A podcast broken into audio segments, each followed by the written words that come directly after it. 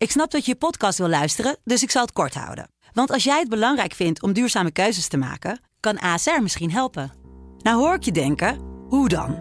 Nou, bijvoorbeeld bij het duurzaam herstellen van schade. Of de premies die we beleggen volgens ons duurzaam beleggingsbeleid. Dat bepaalt waar we wel en juist niet in investeren.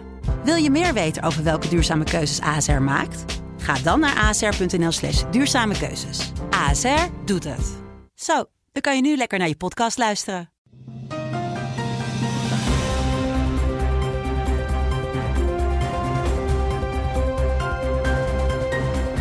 Dit is een podcast van de Telegraaf.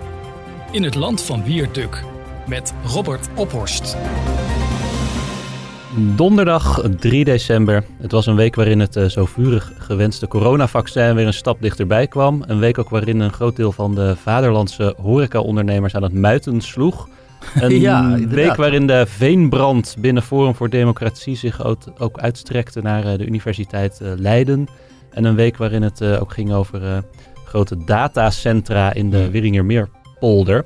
We gaan het er zo eh, allemaal over hebben, Wiert. Het was ook een week trouwens waarin het, eh, de mondkapjesplicht van kracht werd. Nou, Mhm. jij als eh vervent voorstander van het mondkapje moet dat natuurlijk deugd hebben gedaan. Weet je, ik snap helemaal niks van ehm, die antipathie tegen dat mondkapje. Hè? Want de, je moet dat mondkapje dus opdoen in binnenruimtes en buiten op straat hoeft dat... Overal waar je de hemel niet kan zien. Ja, ja, ja. En dat is toch een heel redelijk verzoek. Omdat, stel nou, stel nou, er worden misschien twee, drie, vier mensen daardoor gered hè, van het mondkapje. Doordat jij misschien besmet bent en omdat je een mondkapje draagt, eh, jouw bacillen, zeg maar, die mensen niet bereiken. Dan is Mhm. het toch al gewoon een succes, hoe dan ook.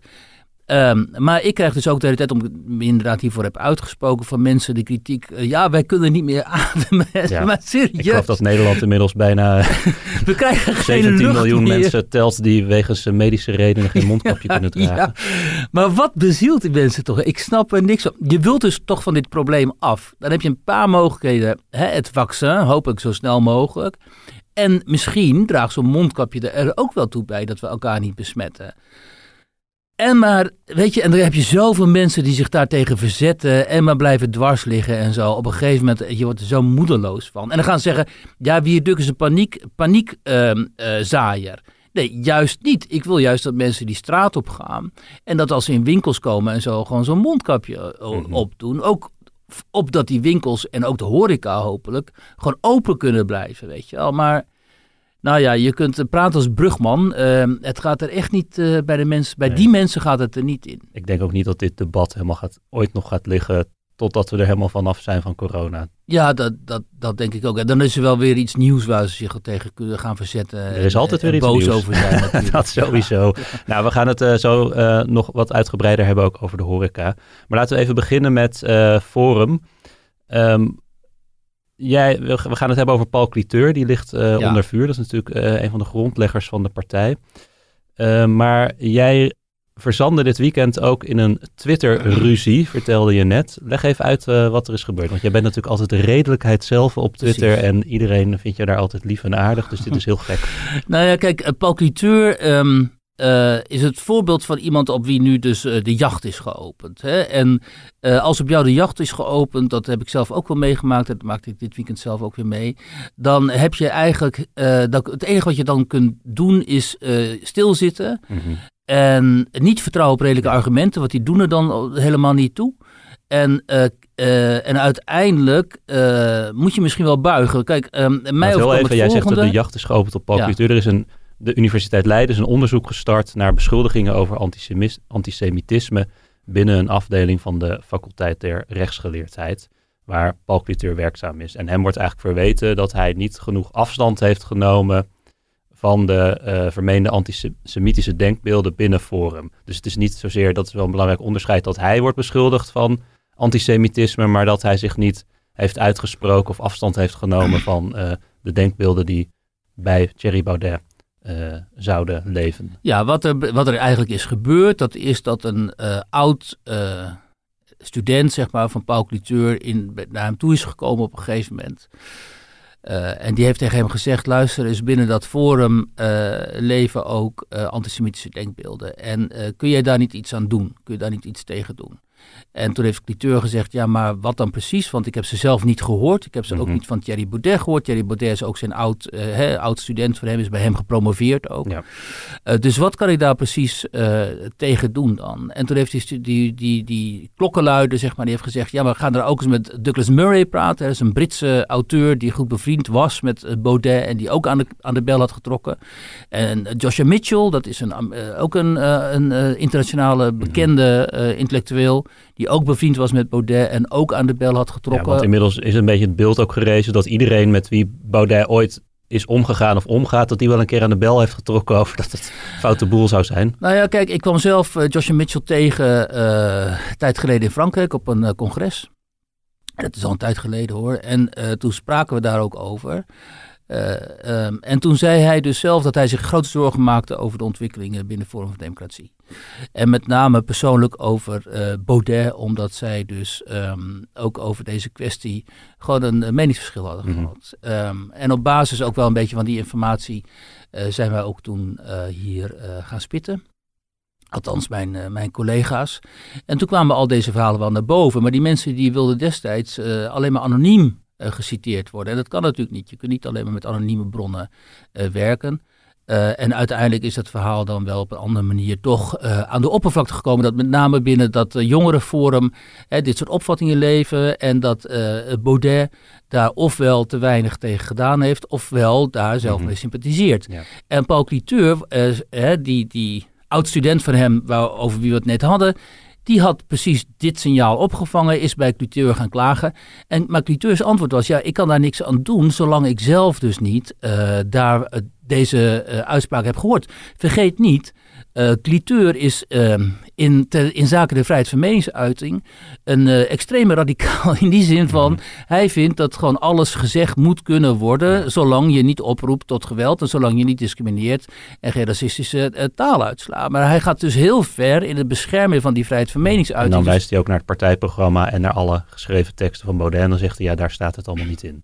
Precies, dat is wat hij doet. En hij zelf, en ik heb zelf geen ervaring met dat Baudet dat soort Mhm. uitspraken heeft gedaan. Hoe, En- hoe, hoe geloofwaardig is dat dan als er zoveel mensen nu zijn die zeggen, we hebben dat zo vaak uit de mond van Baudet gehoord of uit de mond van mensen die hij in bescherming neemt en hij treedt daar niet tegen op. Hoe geloofwaardig is het dan dat Cliteur zegt, ik heb dat nooit gehoord? Ehm, nou ja, dat, dat kan ik niet eh, goed eh, beoordelen, omdat ik niet precies weet eh, hoe vaak dan dit soort opmerkingen en door hoeveel mensen dit soort opmerkingen binnen die partij zijn gemaakt en hoezeer ze getolereerd zijn. En ik was, ik ben ook wel een aantal keren bij dat soort bijeenkomsten geweest van Forum voor Democratie. En helemaal toen het nog een denktank was, geen politieke partij, maar een denktank. En over allerlei belangrijke thema's werd gesproken. En ik was toen nog freelancer en ik heb ook wel eens over Rusland gesproken in dat keldertje daar eh, in Amsterdam bijvoorbeeld. Hè. En eh, daar hoorde ik geen eh, radicale of extremistische opvattingen. Ik begreep wel dat die mensen daar eh, opgelucht waren, dat ze daar politieke eh, de opvattingen konden formuleren die, die zij elders niet, niet kwijt konden, bijvoorbeeld Ja. op de universiteit en zo. Ehm, eh, en ik weet ook dat Baudet een provocerende persoonlijkheid heeft. Dus je gooit af en toe wel eens wat in de groep. Maar ik heb hem nooit in een groep dit soort eh, opvattingen horen ventileren. De, en Paul Cliteur kennelijk ook niet. Dus hoe, maar hoe geloofwaardig dat is, dat weet ik niet. Omdat Paul Cliteur natuurlijk op een gegeven moment gewoon 24-7 met Baudet omging. Maar goed, dit is wat hij zegt. Ja. Ehm, en nu komt er dus dat onderzoek. En het rare is natuurlijk, en daar hebben ook eh, voormalige studenten van eh, Leiden eh, zich verontwaardigd over uitgelaten. Bijvoorbeeld de historicus Geert en Waling. Hè, die zegt ook, ja, maar hoe kan het nou zijn dat er nu een onderzoek wordt geopend naar antisemitisme binnen die vakgroep? Ehm, terwijl het eigenlijk zou moeten gaan om eh Cliteur. Bovendien, hoe is Cliteur nog verantwoordelijk voor opmerkingen, eventuele antisemitische uitspraken die gedaan zouden zijn toen Baudet daar nog studeerde en eh, aan het promoveren was? Dat, dat, dat is natuurlijk een hele rare modus eh, waarin je dan verzeild raakt.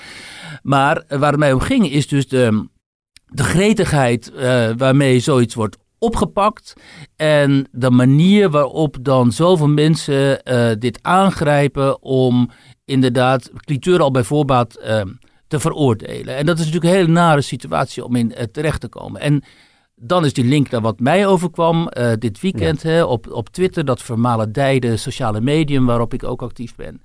Daar ehm, heb je een Turks-Nederlandse dame en die werkt eh, in de sociale, eh, sociale voorzieningen en zo. Dus die heeft te maken met, met cliënten uit alle lagen van de bevolking. En die schrijft af en toe zo'n lang draadje. Dat een draadjes, dat zijn dus een aantal tweets achter elkaar, waarin je zo'n anekdotisch verslag doet van wat je hebt meegemaakt of van wat je denkt.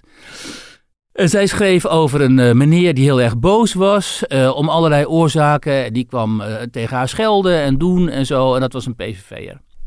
En uiteindelijk slaagde zij, hij wilde ook niet door haar, nou hij wilde eigenlijk helemaal niet met haar in gesprek en dergelijke.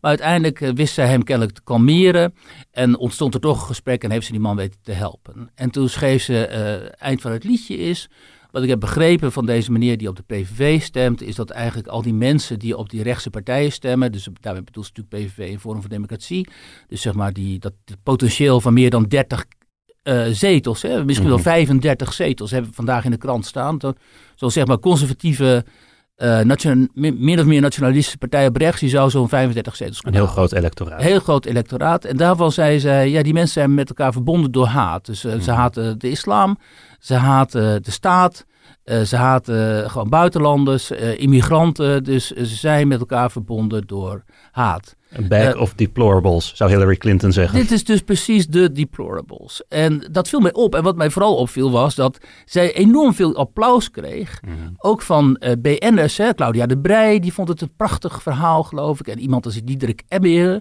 die vond het ook schitterend allemaal. Dus er waren allemaal mensen die vonden dit echt ontroerend, prachtig draadje. Hoe deze mevrouw uh, die PVV-meneer uiteindelijk had weten te kalmeren. En tegelijkertijd conclusie kon trekken van die PVV-meneer maakt deel uit van een enorm electoraat dat met elkaar verbonden is door haat. Dus toen vroeg ik haar gewoon als vraag van ja zeg, hoe weet je dit eigenlijk? Want kijk, ik ken natuurlijk ook wel een aantal mensen die PVV stemmen of Forum voor Democratie of al jaren actief zijn daar op, op, op die flanken. Nou, dat zijn toch niet mensen van wie ik zou zeggen die zijn met elkaar verbonden door haat. Integendeel, heel groot aantal van die mensen is juist verbonden met elkaar door zorgen over de toekomst van Nederland. Door zorgen over de islam vooral ook. Hè, waar deze mevrouw, wat ze draagt, hoofddoek. Een, eh, een, een, een, zeg maar een, een um, zichtbare vertegenwoordiger van is. Um, uh, dus die, zijn, die, die, die, hebben wel, die hadden natuurlijk ook wel vragen daarover. Uh, nou, daar had ze eigenlijk geen antwoord op. Um, wat er vervolgens gebeurde is dat zij van dat Twitter verdween en andere mensen meedeelden dat zij was bedreigd. Mm en dat was duidelijk door iemand die door Viaduct zou zijn aangestuurd. Nou, ik had helemaal niemand aangestuurd. Na, nadat jij dat had gezegd, hebben zich kennelijk een hoop mensen bij haar gemeld, op, ook op Twitter met, met bedreigingen en Nou ja, hier, dat, dat, weet ik niet met bedreigen. Maar in ieder geval hebben zich mensen bij haar gemeld, want dat mm. is Twitter. Je gooit iets oud in die open wat zij deed en dan krijg je daar reacties op. Dat is dus de essentie van dat medium. Dat maakt het medium ook zo interessant. Dus ze hebben zich dus mensen kennelijk bij haar gemeld met diezelfde vraag als ik. En misschien is zij ook wel door zo'n anonieme twitteraar bedreigd. Dat zou best kunnen. Ik word ook permanent bedreigd of uitgescholden. En die mensen blok ik dan, zoals het heet. En, eh, dan zie je ze verder niet meer. maar die zijn nu nog, zeg maar, mij aan het bedreigen op dit mhm. moment as we speak. Maar goed, ik zie ze toch niet.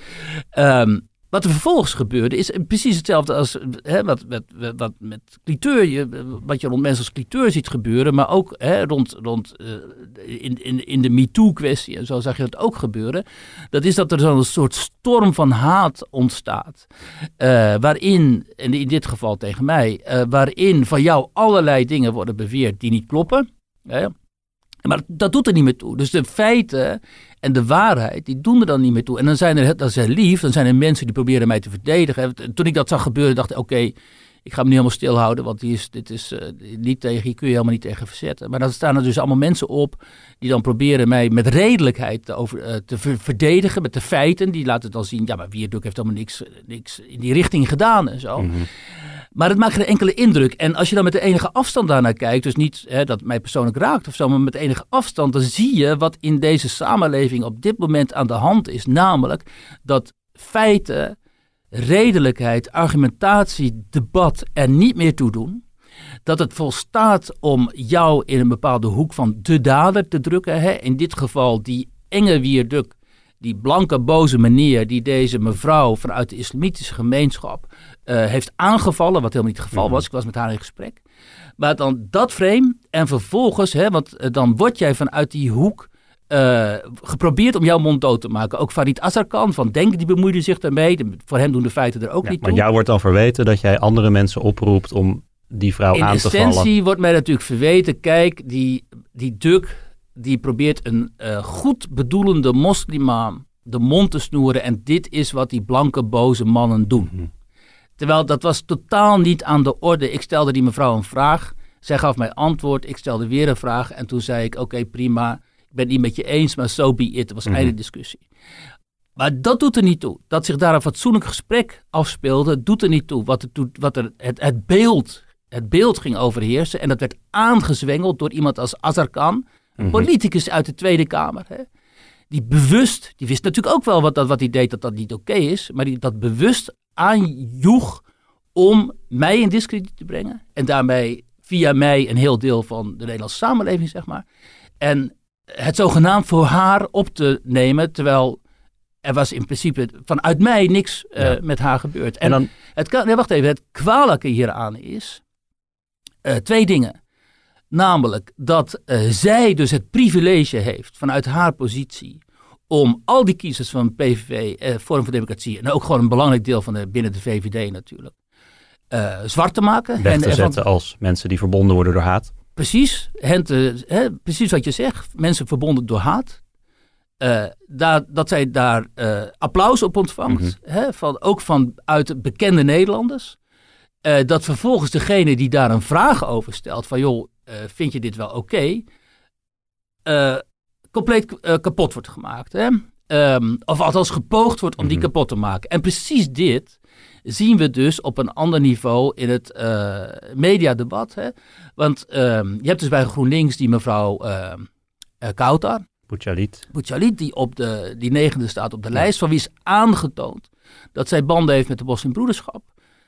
Dat is zo langzamerhand zo goed gedocumenteerd, daar is niet onderuit te komen. En de moslimbroederschap is gewoon het vehikel van de politieke islam om binnen te komen in westerse democratieën, om die van binnenuit te islamiseren. Punt uit. Zo is dat. Dat staat vast. Dat zijn de feiten. Er zijn foto's van haar waarop ze opduikt, zwaar gesluierd, in het gezelschap van een haatimam. Die dit soort dingen allemaal zegt. Hè. Mhm. Ehm, vervolgens komt ze notabene op de lijst van een linksgroene partij. Een linkse partij die het zou moeten opnemen tegen rechtse denkbeelden zoals die van de politieke islam. Want de politieke islam Ja. is een uiterst radicaal rechtse beweging. Eh, vanuit domheid, eh, onwetendheid of kwade trouw of puur opportunisme, we weten het niet, wordt zij gehandhaafd op die lijst. Er komt kritiek op. eh, je hoort niets op links. Hè. Je hoort helemaal niks vanuit die GroenLinks-partij. Niet één partij prominent. Niet één. Rozenmuller, noem maar op, buiten, Buitenweg. Ik heb nog eh, fractieleden e- even geappt van GroenLinks. Van joh, wat denken jullie hierover? Die zeggen ja, eh, daar gaan, gaan we ons niet Mhm. over uitspreken. Hè? Dus dat is angst. Ze durven niet. Hè? Er zijn fractieleden vanuit GroenLinks die heel goed werk hebben gedaan de laatste jaren. Die zijn achter haar op de, lijst, op de kandidatenlijst komen te staan. Die denken natuurlijk ook wat overkomt mij hier. Waarom staat zij? Ze is nog maar een jaar, links, een, jaar lid van GroenLinks. Heeft nog niks gepresteerd in de partij. Waarom staat zij negende? Waarom Maar denken ze dat echt en durven ze het niet te zeggen? Of ja, tuurlijk. zijn ze het er gewoon die volledig denken natuurlijk ook van wat is dit? Maar die durven dan niet te zeggen natuurlijk. Ehm, dus die mevrouw, die wordt... eh, de, de, hier, kijk, in dit geval zijn er dus concrete vragen. hè? Mhm. Ehm, daar gaat ze niet op in. Vervolgens komt ze bij dat programma Dit is M. Dat was gisteren of eergisteren, meen ik. Meen gisteren. Waarin ze zich volledig kan witwassen. Hè? Die, die Margriet van der Linden vraagt ook niet door. Eh, er komt niemand tegenover haar te zitten aan tafel. Iemand als Karel Brendel, die blogger, die dat die, die, die eigenlijk Die feitelijk dat in het begin aan de kaak heeft gesteld. Ja. Precies. Of iemand anders die verstand heeft van de politieke islam en van islamisering en van, eh, hè, van Mhm. al dat soort zaken. Komt niemand tegenover haar te zitten aan tafel om haar te ondervragen. Dus zij mag zichzelf witwassen eh, in een programma van de publiek omroep dat wij met z'n allen eh, betalen. Qatar, ik spreek het goed uit, hè? Heel dichtbij Ehm, kom Ja, je was een, een van de eh, initiatiefnemers van de Klimaatmars in Amsterdam. En ergens is het zaadje geplant. En we moeten toch eventjes erachter komen hoe die connectie zit. Dat jouw koepelorganisatie, waar allerlei organisaties onder worden gebracht... die met de beste bedoelingen eh, discussies eh, voeren. Ook worden gesubsidieerd, heb ik begrepen, door de Europese Commissie. Ook ergens die koepelorganisatie contacten heeft met bijvoorbeeld het moslimbroederschap. Terwijl Ja. wij dit gesprek voeren, zit er waarschijnlijk iemand te twitteren... of ik het Ja. wel doorheb dat ik mogelijk met Ja. iemand praat... die mij van een flat af wil gooien. Ja, Dat is het privilege wat zij heeft. Hè. Ehm, terwijl iemand als cliteur, en ik zeg niet, ik ben het eens met cliteur of niet eens met cliteur, daar gaat het niet om, het gaat niet om principe. Als die aan tafel zou komen, zouden tegenover hem drie, vier mensen zitten. En die zouden hem het vuur na aan de schenen leggen over zijn vermeende antisemitisme. Dit is de situatie waarin wij terecht zijn gekomen. Ja, dus En- in het publieke debat, als je eh, aan de rechterkant staat en je wordt ergens van beschuldigd, dan ben je, nou ja, even tussen haakjes, vogelvrij. Ben je een moslima en je wordt ergens van beschuldigd in het publieke debat, dan, dan word je, krijg je alle ruimte om je te verdedigen en eh, word je ook afgeschilderd als slachtoffer van een Precies. hetze. Precies, want het gaat altijd, hè, in de, in, eh, op het stadium waarin we nu zijn aangekomen, gaat het inderdaad altijd om de vraag wie is hier het slachtoffer, Mhm. wie is hier de dader. En in zijn uiterste consequentie doorgevoerd, hè, dit hele, dit hele slachtoffer-dader-denken, zag je dat op een hilarische manier deze week nog eens, op hè, weliswaar een hele andere context en zo, toen naar buiten kwam dat een Turkse danser die was ingehuurd om ergens te dansen. En zou een promotiefilmpje geloof ik opnemen voor een museum. Precies, een promoclip voor een eh, museum. Die was er uitgekieperd omdat er voor hem een zwarte danser in de plaats moest komen. Dus die zwarte danser was kennelijk nog weer wat diverser dan eh, die Turkse danser Ja. in zijn diversiteit. De, en die Turk was natuurlijk, eh, of die Turkse Nederlander, was natuurlijk, ik weet niet eens of het Turkse Nederlander was, maar goed, de Turkse Volgens jongen in elk geval. Maar hij was, naar, hij was op Facebook in de pen geklommen op Facebook en had gezegd: ja, ik ben eruit gegooid, want mij werd verteld we willen diverser zijn. Ja, En in mijn plaats kwam een zwarte danser. Want Ja. dat is kennelijk diverser dan een Turks-Nederlandse danser. precies. En uiteindelijk eindigen we dus in die hiërarchie van slachtofferschap. Mhm. Waarschijnlijk met iemand die zowel een zwarte huidskleur heeft als de hoofddoek draagt. Hè. Die staan dan aan de top. Dus vrouw of liefst nog transgender, eh, zwart en hoofddoek. Hè, dan ben je onschendbaar. En helemaal onderaan in die hiërarchie eh, zitten de daders. En dat zijn die blanke, boze, quasi-boze mannen Mhm. eh, van de middelbare leeftijd zoals ik. Ehm, en nou ja, kijk, dat, dat smoort en wurgt eh, het vrije debat. En het interessante, ik heb het dus ook gemerkt dit weekend, want ik probeer natuurlijk in alle redelijkheid gewoon met feiten te onderbouwen en met die mevrouw in gesprek te gaan. Het eindigde ermee dat die mevrouw, dan gaan we het verhaal afronden, naar de politie was gegaan en aangifte had gedaan vanwege bedreiging. Eh, in, het, in de tweets waarin zij dit bekend maakte, eh, schreef zij nog ehm, dat de politie ook had gevraagd om eh, of Wierduk niet ook daarin betrokken moest worden in die aangifte, maar daar had ze gelukkig van afgezien. Dat staat natuurlijk helemaal nergens op, want dat heeft die politie helemaal niet gevraagd. Maar uiteindelijk kon ik dus niet anders dan zeggen, nou ja, weet je, als, als, dit, als dit gesprek inderdaad tot bedreiging heeft geleid, dan moet Mhm. eh, iedereen hiermee stoppen. En dan moeten we eh, de boel gewoon kalmeren. Wat ik ook natuurlijk wil, ik wil ook dat de boel kalmeert. Maar het is wel een hele interessante casus om te laten zien hoe ver we zijn afgegleden Mhm. in de redelijke uitwisseling van eh, ideeën en van argumenten. Nog heel even tot slot, want we hadden het net nog over beeldvorming. cliteur, want er is nu een externe commissie, wordt, is of wordt aangesteld om dat te onderzoeken. Is hij dan nog te, te redden? Want nu is die beeldvorming al ontstaan, Ja. dat hij eh, ook zelf fout is of antisemitisch is. Ja. Daar in ieder geval niet genoeg tegen doet. Ben je dan nog te redden of is dat eigenlijk al het begin van het einde of het einde zelfs? Nou ja, hij gaat sowieso over anderhalf jaar of zo met immuniteit. Dus dan, dan, dan houdt hij ermee op. Maar wat het kwalijk hier is, is dat daar in Leiden een soort vrijruimte is. En niet alleen met Cliteur, maar ook met onze columnisten Afshin Elian en met uh, Andreas Kinneging. Mhm. Van mensen die gewoon dit vrije woord ehm, eh, uitdragen. En die in alle redelijkheid proberen om een soort, eh, eh, laten we zeggen, de, de, de, de, alle aspecten van de vrijheid van meningsuiting ook onder woorden te brengen. Ook in, ook in puur conservatieve zin, zoals Kinneging dan. En um, dat bestaat elders en eigenlijk helemaal niet meer op de universiteiten. Want al die universiteiten, die geesteswetenschappen... Safe spaces worden. Dat zijn allemaal safe spaces geworden. En voor een heel groot deel, en ook al in Leiden hè, met Lucas en Boeras en zo, Nadia Boeras. Daar zitten hele linkse mensen die eigenlijk uh, vinden dat deze, deze safe space van het conservatisme, zeg maar, die je daar hebt onder die groep cliteur, dat die gewoon moet verdwijnen. Hè? En zij zullen er alles aan doen, dat zie je ook wel aan, aan wat zij tweeten en zo. Uh, zij zullen er alles aan doen opdat deze eh, groep verdwijnt. Terwijl mensen juist als cliteur en ook tot nog toe Karel Stolker, de baas van de universiteit daar, ehm, hen altijd tegemoet is gekomen. Hè. Zij zeggen over Lucas en Nadia Boeres, ja, we zijn totaal met jullie oneens met die opvattingen van jullie. Wij vinden het eigenlijk een beetje linkse flauwekul. Maar goed, jullie mogen, hè, in het kader van de vrijheid van meningsuiting, mogen jullie dat vinden. En weet je wat, laten we eens in het debat gaan. Hè. Stolker, die, er was laatst ook een keer zo'n debat met Boeras erbij en, en, en cliteur ook en zo. Uh, maar dat is dus uh, vaak het verschil. Um, als mensen van rechts, conservatieven, zeggen: Ja, wij vinden die vrijheid van meningsuiting zo belangrijk. Alle meningen moeten gewoon op tafel komen. Dat vinden we interessant. Dan zeggen mensen op links vaak: Ja, dat zal allemaal wel, maar jullie niet. He, die vrijheid van meningsuiting geldt voor ons, maar jullie zijn ja. onze vijand. He, ze, zien, ze kijken naar jou als de vijand en die moet de mond gesnoerd worden. En dat is natuurlijk het enge. Kijk, heel veel mensen zeggen tegenwoordig: Oh, dat is eng, dat is eng en zo. Maar dit is eng. Mm -hmm. Ja, alle meningen zijn gelijk, maar de ene mening is beter dan de andere. Ja, het is precies uh, wat je zegt. Het is gewoon uh, Animals Farm. Ja. Laten we het over corona hebben, want um, minister De Jonge had dinsdag nog niet uh, de verwachting uitgesproken dat Nederland mogelijk vanaf 4 januari kan gaan vaccineren. Of de organisaties buitelden al over elkaar heen om te wijzen op allerlei beren op de weg. Volgens de huisarts is het praktisch niet mogelijk om op korte termijn zoveel mensen in te enten heeft onder meer te maken met de beperkte houdbaarheid van het vaccin en de bewaartemperatuur van min 70 graden.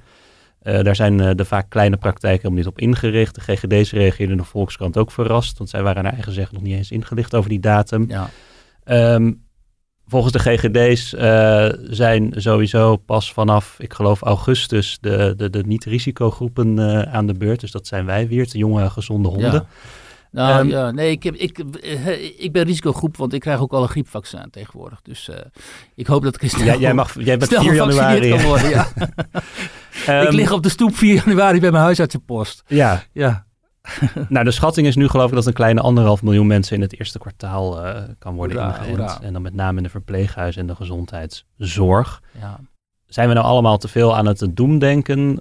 Of zijn dit hele terechte hobbels die... Uh, nou ja, toen, toen naar buiten kwam dat die vaccins uh, eraan zitten te komen, toen kreeg ik ook al een app van een uh, mij bekende uh, hoogleraar die zich hiermee bezig houdt. En die zei ook van je moet even als wie de weer gaan onderzoeken of die huisartsen dit wel aankunnen. Want de huisartsen die ik ken, die zeggen allemaal dit gaat, dit gaat me niet worden. Mm -hmm. Dus dat zijn we toen ook volgens mij gaan onderzoeken. Um, dus um, um, facilitair gezien uh, lijkt dit dus weer een onmogelijkheid. En in de afgelopen maanden is natuurlijk duidelijk geworden dat de overheid, uh, met name minister Hugo de Jonge, wel vaker heeft gezegd van dit moet er gebeuren en dat moet er gebeuren. En dat uh, lukt het dan totaal niet. Hè? Met de tests mm -hmm. en met het, met het bronnen contactonderzoek wat helemaal misging. Track record en is niet je van. Zijn track record is dus gewoon echt, staat ongeveer op nul.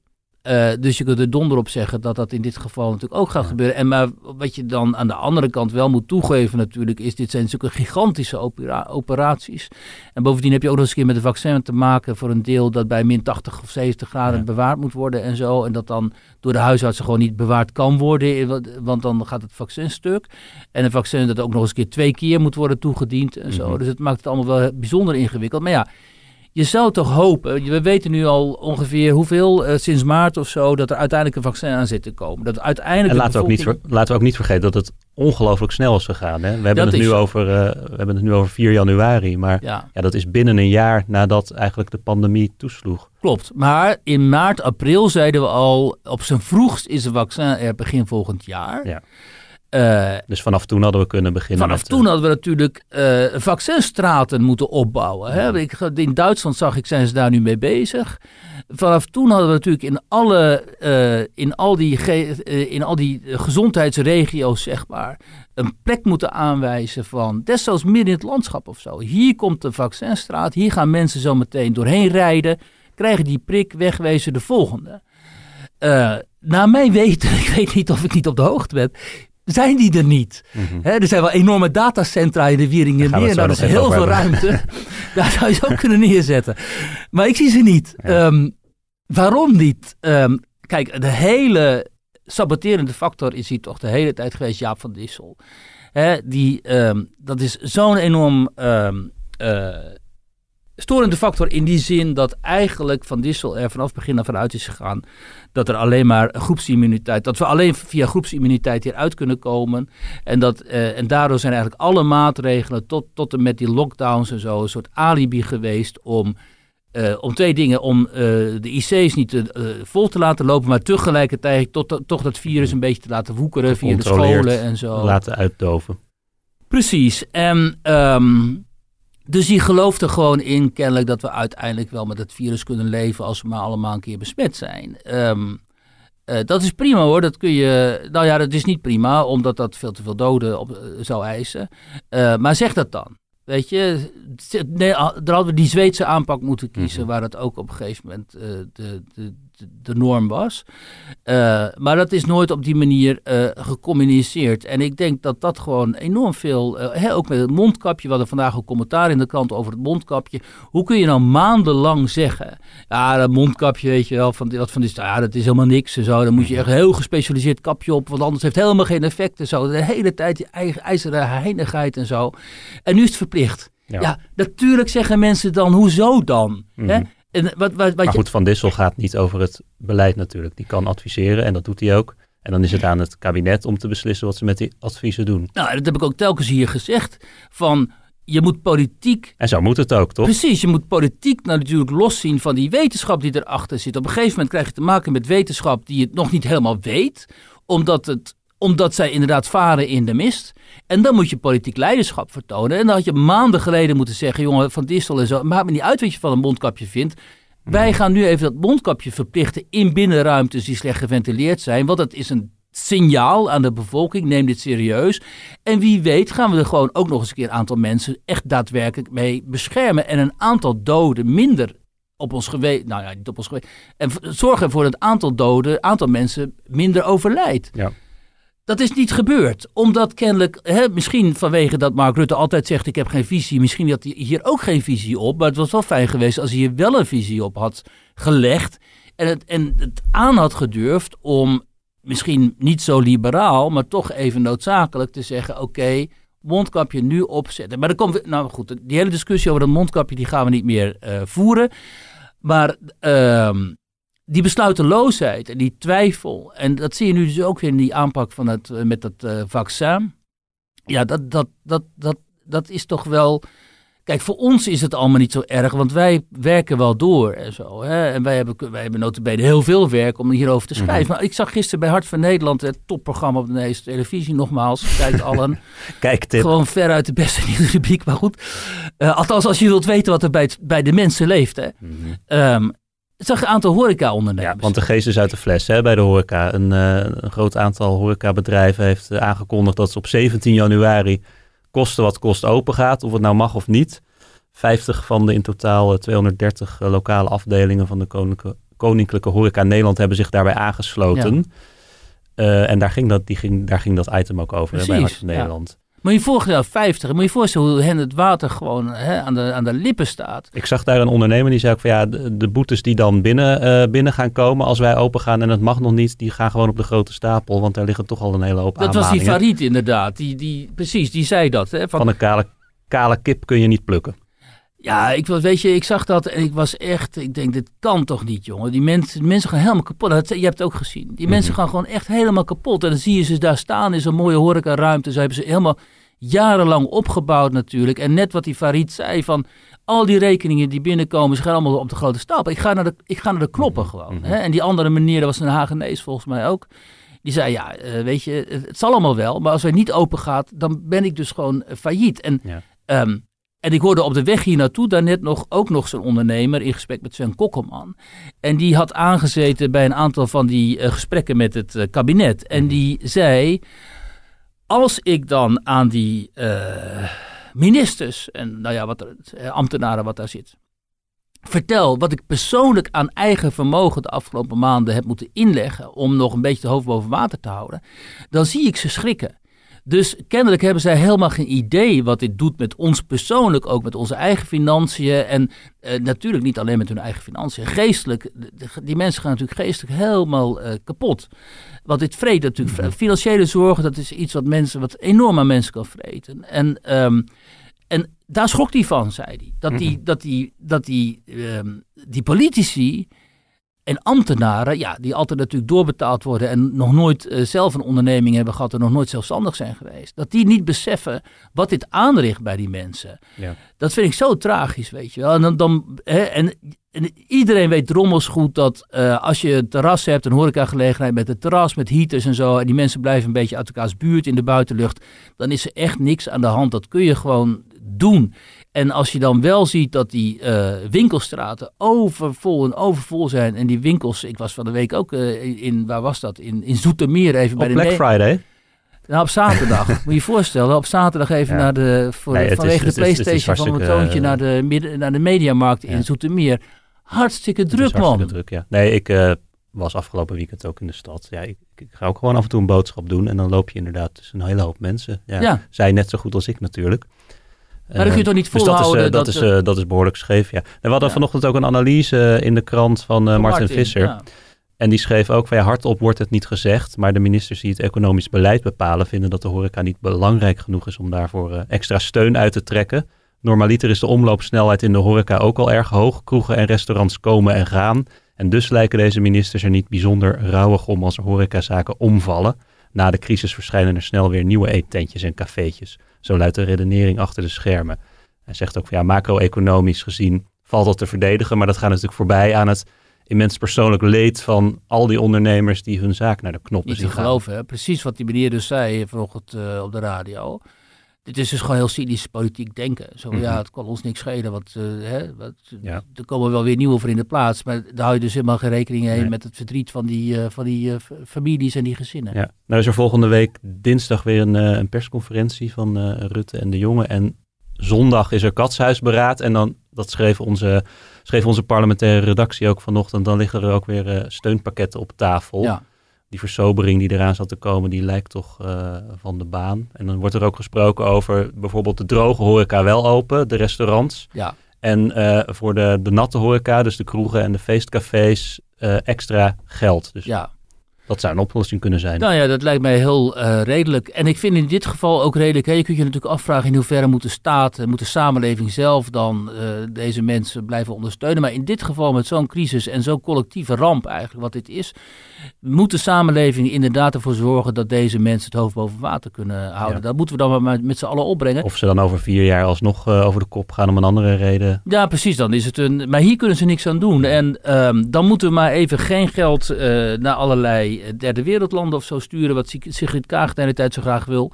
Moeten we even zorgen dat het geld nu hier blijft.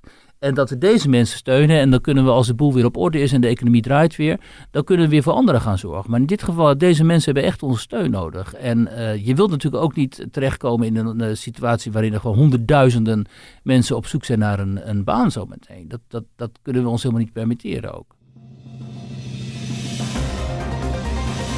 Laten we het tot slot even hebben over de Wieringermeerpolder in de kop van Noord-Holland. Daar was jij deze week voor jouw eh, rubriek in Nederland. Want eh, Amerikaanse techbedrijven als Google en Microsoft eh, kozen die polder uit om daar hun, hun datacentra te plaatsen. Dat levert dan eh, werkgelegenheid, prestige en restwarmte op. Ja. Iedereen blij zou ik zeggen. Ja. ja, dit is een geweldig verhaal. Omdat in dit verhaal zie je dus precies wat globalisering kan aanrichten. Even wat, wat zijn datacentra? Zijn dat Ja. die, eh, worden hier ook door de, de progressieve professoren, de algoritmes in elkaar geknutseld, die bepalen wat wij eh, mogen lezen, denken en zien? Nee, nee, die datacentra, dat is dus eigenlijk gewoon de geheugenopslag van, die, van Google en Microsoft. Die hebben natuurlijk enorm, al die websites, die hele cloud en zo, dat moet natuurlijk ergens worden Als opgeslagen. jij twittert, dan wordt dat daar eh, opgeslagen. Ja. En eh, dus het zijn niet, eigenlijk niet meer dan enorme fabriekshallencomplexen. Dus enorme hallencomplexen waar al die servers staan. Hè, die lange rijen van apparatuur. Die gekoeld moeten worden. ehm, en die vervolgens, die eigenlijk gewoon 24-7, hè, het hele jaar door, eh, aanstaan. Dus daar heb je ook eh, nauwelijks personeel bij nodig. Ja, beveiliging, omdat het Mhm. natuurlijk heel belangrijk is om dat soort... Dat is eigenlijk gewoon het brein Dat- van die firma's. Het om, geheugen van eh, het internet. Juist, ja, precies. En als daar iets uit zou vallen, hè, en eh, er vallen op, opeens tientallen miljoenen Facebookpagina's weg of zo, dat kan natuurlijk niet. Dus ehm, dat moet allemaal heel goed op orde zijn. Eh, het moet allemaal heel schoon zijn, heel goed beveiligd. Maar verder heb je er ook niet zoveel werk aan, zeg maar. En nu hebben die grote techbedrijven, die hebben dus eh, voor een deel ook Nederland uitgekozen voor hun Europese datacentra.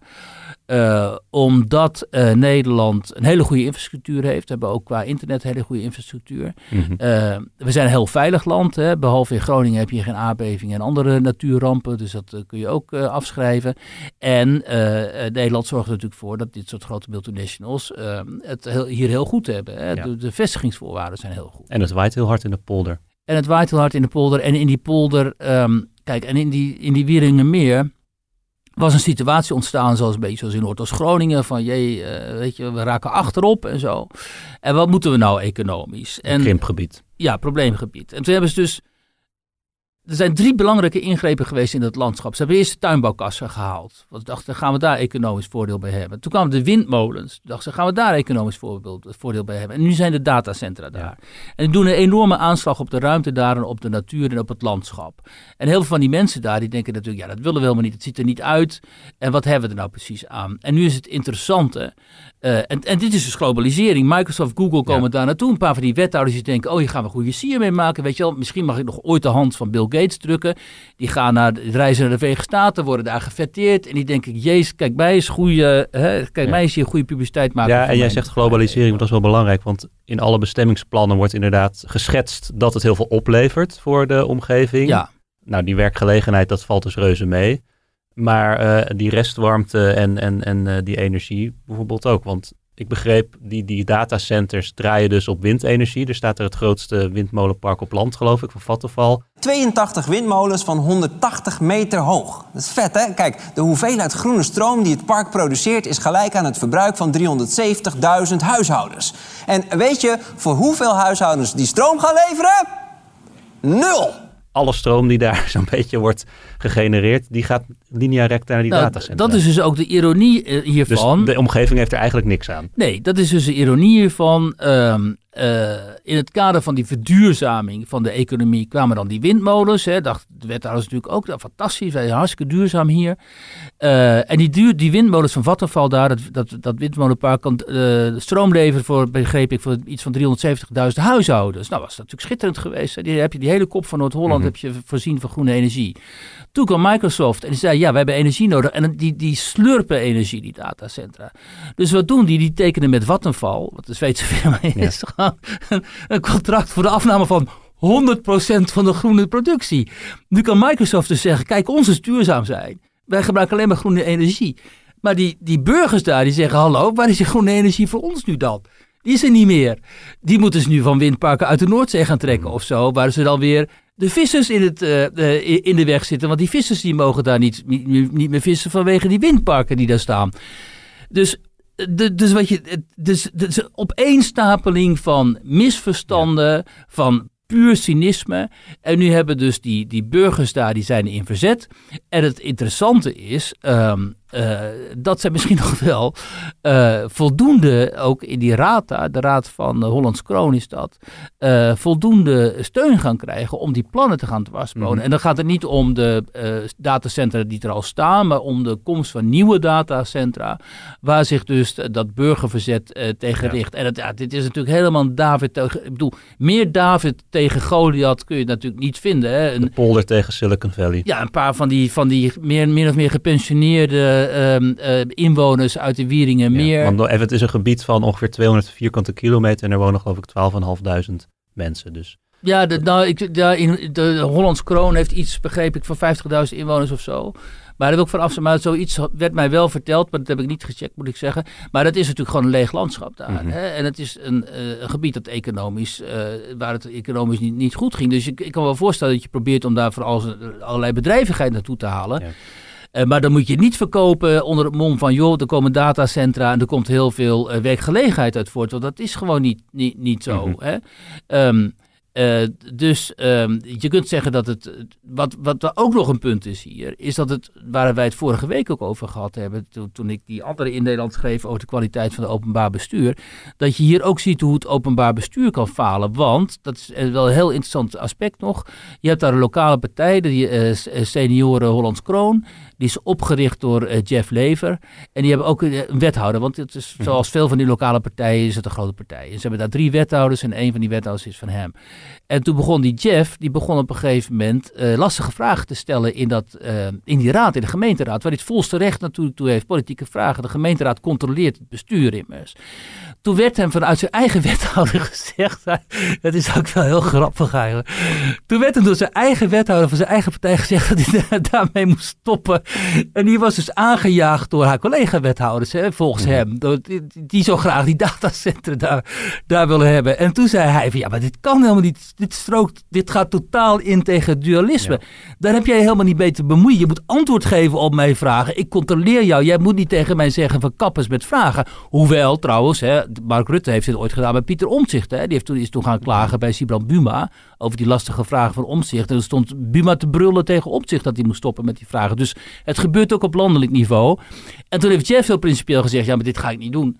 Uh, ik stap uit mijn eigen partij. Notabene, uit de eigen partij die die heeft uh, mede opgericht. En hij is nu dus uh, onafhankelijk in die, in, die, in die raad. En net hetzelfde is gebeurd met een jonge uh, gemeenteraadslid voor de VVD, Lars Ruiter, die is nog maar 24. En die had een kritisch opiniestuk geschreven in het Noord-Hollands Dagblad. En daar werd hij op aangesproken door de rest van zijn fractie, door de fractieleiding en zo. En die zeiden van, ofwel je neemt dat stuk terug, mm -hmm. ofwel je gaat uit de fractie. Ja, toen is hij natuurlijk uit de fractie gegaan. Er is geloof ik deze avond, donderdagavond, bedacht dat we dit opnemen, nog een spoeddebat in de, in de raad over deze kwestie. Ja, dat is ook hilarisch. Dat spoeddebat had dus eerder zullen zijn deze week. Maar omdat er dus van alles misging met de livestream. in de livestream. Heel toevallig haperde de datacentra. Heel toevallig haperde net op die avond de datacentra. Oh, dat is ook al, het is ook een beetje zwiebertje allemaal zo. Maar goed, dat ging dus helemaal mis. Dus die hebben ze moeten uitstellen naar vanavond. Dus nu is vanavond dus raadsvergadering spoeddebat over uh, deze kwestie. En over hoe het nu allemaal verder moet.